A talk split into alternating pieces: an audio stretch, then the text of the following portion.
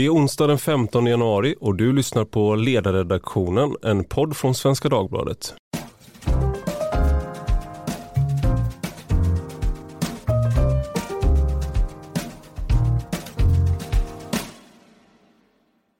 Jag heter Ivar Arpi och idag ska vi prata om årets första partiledardebatt som hölls i riksdagen tidigare idag. Och med mig för att diskutera det här har vi Anders Lindberg, politisk chefredaktör på Aftonbladet. Hej hej! Och våra två egna ledarskribenter Jesper Sandström och Lydia Wåhlsten. Hej hej! Hallå! Ja, uh, Ulf Kristersson, han vill se ett nyval och det vill Kristdemokraterna och Sverigedemokraterna också. Och Jonas Sjöstedt kräver mer pengar till välfärden och Stefan Löfven är arg på allihop. Uh, och Jesper, du håller på att skriva en, uh, vår ledare till imorgon så jag tänkte du skulle få den tacksamma uppgiften att sammanfatta lite vad den här, om den här partiledardebatten egentligen handlar om. Ja, alltså jag, jag tycker ju att det är väldigt mycket gammal skåpmat. Det, det är ju väldigt mycket samma gamla syndabockar, samma gamla upprördhet nyheter eh, och ja, det, det, som jag liksom hajade till över mest det, det är det hur Löfven pratar när han ska försöka förklara de problem han lyfter upp. För att han, han pratar ju om att eh, välfärden är ansträngd, den behöver återupprättas och sen ska han liksom ge någon problembild till det och då börjar han prata om privata sjukvårdsförsäkringar eh, och det fria skolvalet och jag tycker det blir ju väldigt tunt någonstans. Det blir ju en väldigt grundförklaring till de problem vi faktiskt har och jag tror att det, det är svårt för någon att ta den på allvar. Tänker du alltså att du, du de problemen är mycket större än Ja, att, ja. Och, och, och, och, helt andra. Alltså mm. jag, jag, jag, tror att det är svårt att överhuvudtaget påstå att privata sjukvårdsförsäkringar eller det fria skolvalet eh, kan utgöra en, en större del av förklaringen till de problem välfärdssektorn har idag. Även om man är då, skulle vara väldigt kritisk till dem så skulle man inte ja. tänka sig att det är man silar mygg och sväljer kameler. Ja, precis. precis. Jag, jag har svårt att tro att ens övertygade socialdemokratiska väljare nappar på den problembeskrivningen riktigt. Nu har vi en livslevande socialdemokrat här. Va, vad tänker du om eh, det Jesper säger? Nej, men jag tänker att det finns två förflyttningar i, i, i den retorik som, som Löfven har här. Den ena förflyttningen gäller ju välfärden där Socialdemokraterna egentligen fram till nu har sagt att man ska satsa mer på välfärden men sen i varje budget så händer det liksom ingenting. Mm. Vilket ju gör att vi har väldigt stora nedskärningar i dagsläget. Det, det, förmodligen så kommer vi att se i stort sett i alla kommuner i 18 av, av 20 regioner är det väl nu tror jag som är uppe i där man kommer att skära ner. Eh, Stockholm är ganska hårt drabbat av detta. Och, och, där har ju Sjöstedt gått in och sagt att, att eh, man eh, och Moderaterna sagt det här utspelet igår om att man ska satsa på, på välfärden. Och Löfven måste ju svara på det på något sätt. Och jag tyckte hans retorik idag var intressant just därför att där, där förflyttar han sig mot mera satsa på välfärden. Men och han säger ju att de här 10 miljarderna inte räcker. Det behövs ju mycket mer pengar och det blir ju liksom intressant, han höjer ju på något sätt förväntningarna här för eh, vårändringsbudgeten och sen höstens budget. Så det är den ena förändringen. Den andra delen som är intressant det är ju det här med marknadsfundamentalismen, eh, att Socialdemokraterna börjar kritisera den. Eh, jag delar inte riktigt din bild att, att, Socialdemokraterna inte skulle känna sig hemma i det här. För, för det här är någonting som, jag skulle säga att den socialdemokratiska ledningen har gått ganska långt in i en nyliberal retorik kring avregleringar, privatiseringar och sådana här saker, stram finanspolitik. Medan då eh, medlemmar och gräsrötter har ju aldrig gjort det. Så att Löfven pratar ju med en partiopinion som som inte vill ha avregleringar och inte vill ha privata sjukförsäkringar och så. Och Socialdemokraterna kommer ju backa upp det han sa idag med ett förslag om att förbjuda Eh, försäkringspatienter och gå före landstingspatienter. Så det kommer ju liksom riktig politik också som en förlängning. Så det här är, liksom två, det här är, det här är en riktig förändring av Socialdemokraterna vi ser. Samtidigt tänker jag med att just det blir en, en, det är en märklig situation då när Socialdemokraterna blir pressad från både höger och från vänster om att ge mer pengar till välfärden.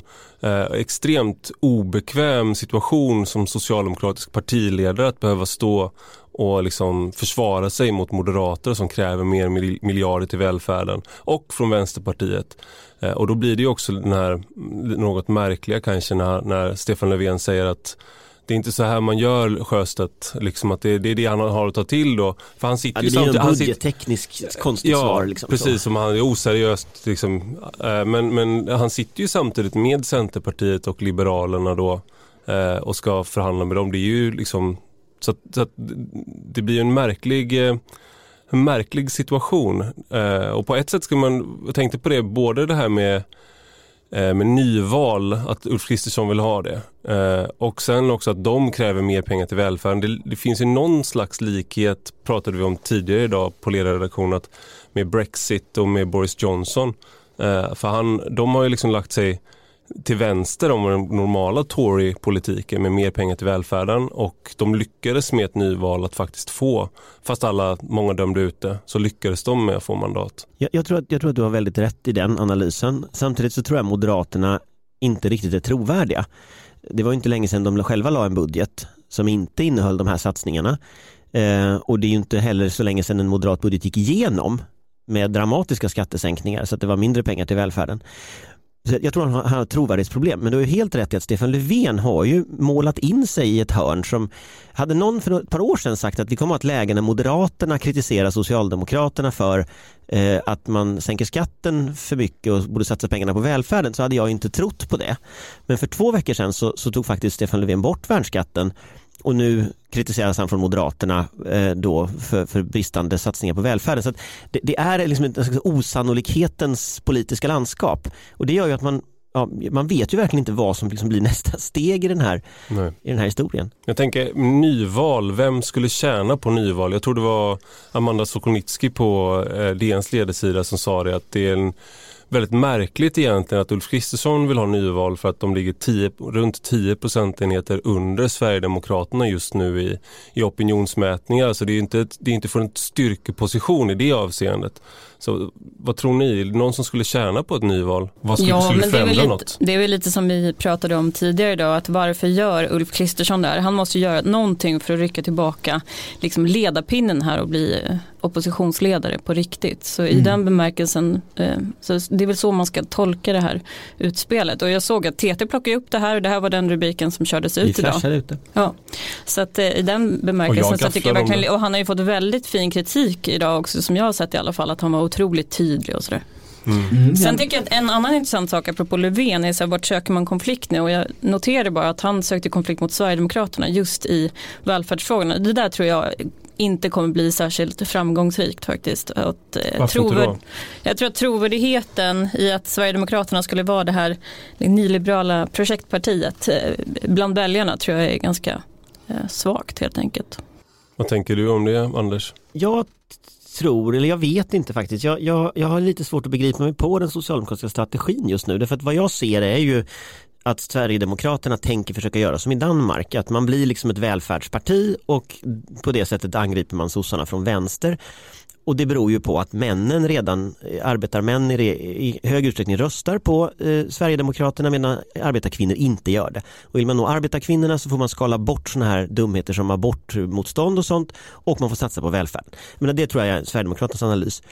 Eh, om Socialdemokraterna är smarta så så gör de, går de inte i den fällan utan de svarar så här ungefär på Sjöstedts, Sjöstedts eh, angrepp när man säger vad falls, Vänsterpartiet vill ha 10 miljarder, det räcker ju inte till någonting. Vi har 90 miljarder på tre år och så någon budgetberäkning.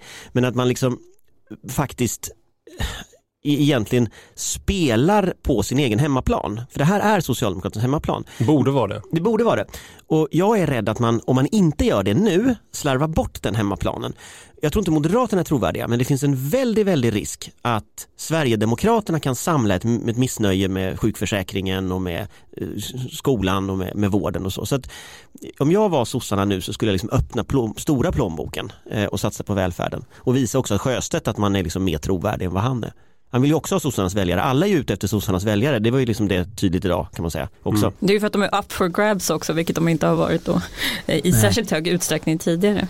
Nej, alltså jag, jag, tror att en, en anledning till att sossarna inte tar tillfället i akt som du säger och väljer att spela på stark hemmaplan. Det är väl att de lite grann så saknar de väl självförtroende. De, de är rädda att det inte heller ska funka. För, för det, det är så mycket som har gått i stöpet liksom. Så, så de tänker att nej men okej okay, om vi inte kan backa upp det här finansiellt eller vad som nu händer då blir det en ännu värre backlash. Eh, så, så, så det är nog lite dåligt självförtroende och nervositet från deras sida också. Mm, och jag tycker det var så himla bra den här eh, artikeln som Gustav Fridolin av alla människor har skrivit idag. Apropå det du säger Jesper, då sa ju han så här då i den här texten att om det är någonting som är farligare än en partibyråkrati med maktberoende så är det en partibyråkrati med maktberoende utan självkänsla. Och det där tycker jag att det låg någonting i. Ja, alltså Gustav Fridolin är alltid underhållande. Eh, men han, det finns ju en, en, en brist. Vi gör handhjärtan här i studion nu. Nej, men han är väldigt underhållande person också, trevlig på alla sätt. Så eh, det är tråkigt att han inte eh, är så aktiv i politiken längre. Eh, men det är kul att han skriver artiklar. Men det som är dilemmat med hans analys och som är dilemmat med det som du frågade om, nämligen vem tjänar på ett nyval, det är att sossarna är ganska bra på match. Och just nu så är det inte match. Och jag tror inte att Sverigedemokraterna eh, Moderaterna och Kristdemokraterna i en riktig konflikt i ett val där de ställer upp som ett regeringsalternativ kommer att samla några 51 procent av väljarna. Det finns en, en, nästan halva moderata väljarkåren är ju människor som är ganska liberala, bor i Stockholm, bor i Göteborg och de tror jag kommer att kanske dra i det läget. Så Moderaterna ska nog vara lite rädda, alltså de ska nog vara, vara försiktiga med vad de önskar. Eh, för de har inte konsoliderat den där väljarbasen än. Jag det kanske de har om två år, men just nu tror jag inte det. Ehm, jag, är, jag, ska vara moderator här nu idag, men jag, jag, hopp, jag tar på mig tyckarhatten nu. Men jag tror att det är fel. Jag tror att det har redan, det har redan skett den där förändringen. Alltså de, de Moderaterna som var så att säga Reinfeldt, trogna Reinfeldt-väljare eh, och alliansen eh, liksom, lojala och allt det där. Eh, de har redan lämnat för Centerpartiet. Det, det, problemet som jag tänker här som vi inte har pratat om än det är Liberalerna också. Att, att de är ju fundamentalt kluvna här i, i, från partitoppen. De, de hakade på den här januariöverenskommelsen men sen valde de Nyamko Sabuni som var emot, eh, var emot det var för, var för Ulf Kristersson. Eh, så att man har, liksom, man har gjort egentligen en, de är egentligen en paradox just nu. Eh, och om de, så att säga, vad de, om de får igenom, inte får igenom tillräckligt med politik i januariöverenskommelsen så kommer de inte känna att de tjänar på det. Och då kanske de kommer hoppa till andra sidan. Å andra sidan så ligger de, om det skulle bli nyval så ligger de ganska nära 4 spärren. Uh, så det, det, är liksom, det känns som att väldigt mycket som så ofta i svensk politik står och väger med ett väldigt litet parti. Eh, för att för om M, KD och SD skulle kunna få, de kommer kanske inte kunna samla en egen majoritet, men kanske med hjälp av Liberalerna om de hoppar. Fast, fast jag tror, där, där, där, tror vi nog olika, men jag ser ju Moderaterna som ett parti just nu i väldigt, väldigt kris. Och tittar man på till exempel Ulf Kristersson idag och tittar man på honom i Sälen där han liksom höll olika uttalanden mot, mot Peter Hultqvist och sådär som inte alls funkade i Sälen i miljön, liksom det var platt fall eh, den delen. Så, så är det ett parti med en ledning som om sossarna liksom har dåligt självförtroende och sådär. Moderaterna har ju en ohyggligt stort problem med att liksom placera in sig i den här Galtan-konflikten som är. Så, så är, och tittar jag då i, i Stockholm till exempel eller, eller liksom min gamla hemstad Göteborg. Jag tror ju den typen av människor i, i, där som röstar på Moderaterna på riksnivå. Eh, de kommer att ha väldigt svårt att rösta på Jimmy Åkesson när liksom, frågeställningen i valrörelsen blir vilken ministerpost får Jimmy Åkesson? För det är den frågan som Ulf Kristersson kommer att få svara på i varenda debatt. Den, du kommer hjälpa till. Ja men den, den, frågan, glöm inte att det är två år sedan snart, inte, inte fullt två år sedan. Den frågan malde ner både Alliansen och Moderaternas väljarstöd. Eh, och, och den frågan kommer att kunna återaktiveras i det läget. Jag tror, jag. Att det, jag tror att, jag tror att vi, gör, vi gör som sagt olika bedömningar. Jag tror att det är lite överspelat det där. För att om du frågar moderata och kristdemokratiska väljare så vill de se eh, att man, att man gör upp med Sverigedemokraterna. Kanske inte i en allians men, men, men jag tänkte en sak med ny, en, en sak som eh, jag tror Viktor Bart Kron som skrev det att Egentligen så uppfattar alla partiernas eh, väljargrupper att man har svikit dem. Alltså, om man tänker de som eh, man inte hör lika mycket från, från vårt borgerliga håll så är det ju att eh, Moderaterna och Kristdemokraterna lovade dyrt och heligt att de inte skulle, framförallt Moderaterna, att de inte skulle samarbeta med Sverigedemokraterna, inte alls. Och så har vi hela det här med Hedi Frid och allt det där som har varit så mycket om. Eh, och nu så har man satt sig ner och fikat med dem. Så där uppfattar, finns ett svek, uppfattar, uppfattar många. Eh, och sen har man Centerpartiet och Liberalerna. De lovade att de absolut inte skulle medverka till att Stefan Löfven skulle bli, skulle bli statsminister och det var viktigast var att få bort honom och sen satte de sig så stötte och släppte fram Stefan Löfven. Och sen Socialdemokraterna som gick till val på att absolut inte några sänkta skatter och sen tar man bort värnskatten av alla skatter. Och så ännu, värre, liksom... absolut, ännu värre än värnskatten är ju arbetsrätten och hyresregleringen. Precis, och det, är där, liksom det Vänsterpartiet då, var någon, någonting som, det var Viktor Bartkron som tog upp det här såg jag och det var att om Vänsterpartiet ska mena allvar med sitt så att säga veto där, att det finns en röd linje, så borde de försöka leverera det nu. För att om det kommer väldigt nära, ett hot om ett nyval eller misstroendeförklaring blir mindre och mindre effektfullt ju närmare det ordinarie valet man kommer. Så om de ska leverera på det borde de kanske säga att okej, okay, men om ni inte går emot Centerpartiet och Liberalerna eller liksom januariöverenskommelsens punkter på de här punkterna så kommer vi att stötta en misstroendeförklaring. Fast där, där, där, där tror jag man inte riktigt känner till hur Socialdemokraterna funkar och det här menar med att de är bättre på match. Socialdemokraterna kommer inte att acceptera att förslaget finns. Utan eh, det kommer inte att finnas något att vara emot. Det kommer att finnas en utredning som kommer i vår. Den kan man i och för sig vara emot. Men den utredningen är sekundär till förhandlingar mellan parterna som inte kommer att finnas i år. Därför att i vår är det en avtalsrörelse. Så hela det är ju pausat för avtalsrörelsen. Så vad sossarna gör det är att man rullar den här bollen framför sig till 2021 och så, så, så, tittar man Vänsterpartiet djupt i ögonen och så frågar man om de verkligen vill fälla regeringen ett år innan ett val. Och då tror Vänsterpartiet att det betyder nyval. Det tror inte jag. Utan jag tror att vad sossarna gör då är att lämna in sitt, sitt eh, eh avsked till talmannen. Och sen är vi tillbaka i hösten 2018. Mm. Och då, vad har Vänsterpartiet vunnit i det läget? Så, att, så att, när man gör den analysen som jag ser att Viktor Bartkron och andra gör, då tänker man liksom inte på hur, alltså vad det är för spelare man har mot sig. Eh, man tänker sig liksom att Stefan Löfven går till nyval och så ska på något sätt han acceptera att Sverigedemokraterna blir större än sossarna. Det kommer inte han att göra. Nej, nej men jag, jag, tror det är mycket så att, att nästan alla andra parter har underskattat, som du säger, sossarnas förmåga att spela match.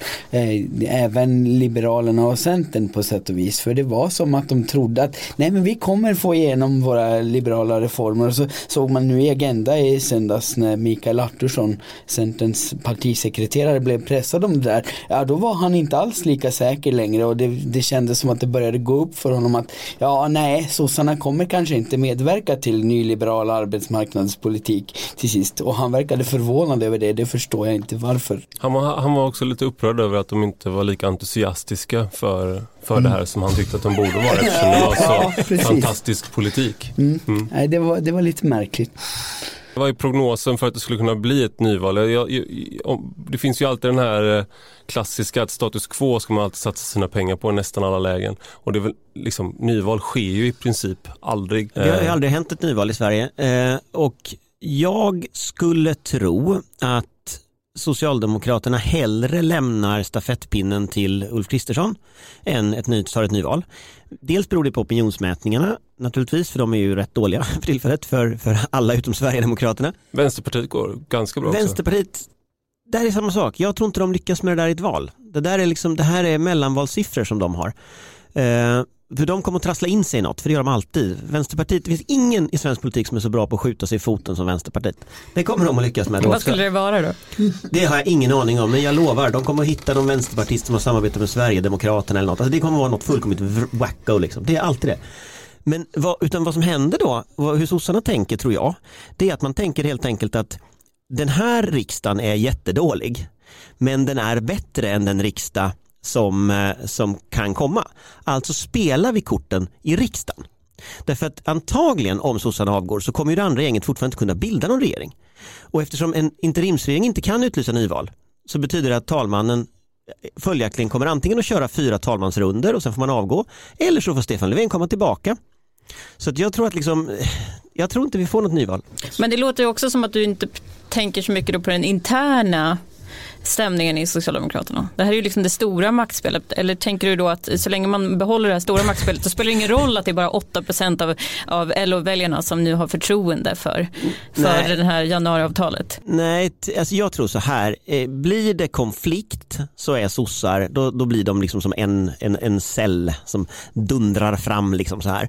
Eh, när det är lugnt då kan man bråka mycket som helst. Blir det bråk så sluter man sig.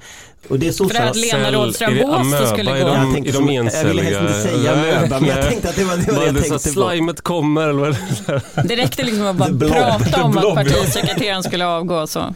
Nej men det, ni såg ju liksom, partisekreteraren är ju, är ju inte, kanske inte liksom Guds gåva till Socialdemokraterna riktigt. Det är ju inget som funkar liksom. Men försök inte avsätta människan. Det kan du glömma liksom, för då minsann. Så, så att, nej, ja, de, de kommer att hålla ihop tror jag. Det där. Alltså, jag tror liksom Ulf Kristersson kan nog önska det här om han vill. Eh, men jag tror det kommer nog inte att bli. Vad tror du Jesper? Nej, jag, jag vet ärligt talat inte. Jag, jag, känner mig inte kvalificerad att göra en prognos. Det, vem, är kval- det... vem är kvalificerad? Vi är inte här för att vi är kvalificerade, vi är här för att vi tycker saker. Ja, nej, nej, nej, men, nej men alltså som vi, som vi redan har konstaterat, allt, allt är upp och ner. Eh, S blir pressade av M om mer pengar till välfärden. Jag, jag känner mig bara förvirrad liksom. Jag, jag, jag klarar inte av att uttala mig i frågan. Mm, nej, men det tyckte jag var bra avslut på, mm. på den här podden. Eh, tack för oss på, för, på ledarredaktionen, eh, Svenska Dagbladet. Eh, och har ni några frågor eller några tips så kan ni höra av er på ledarsidan svd.se. Tack och hej!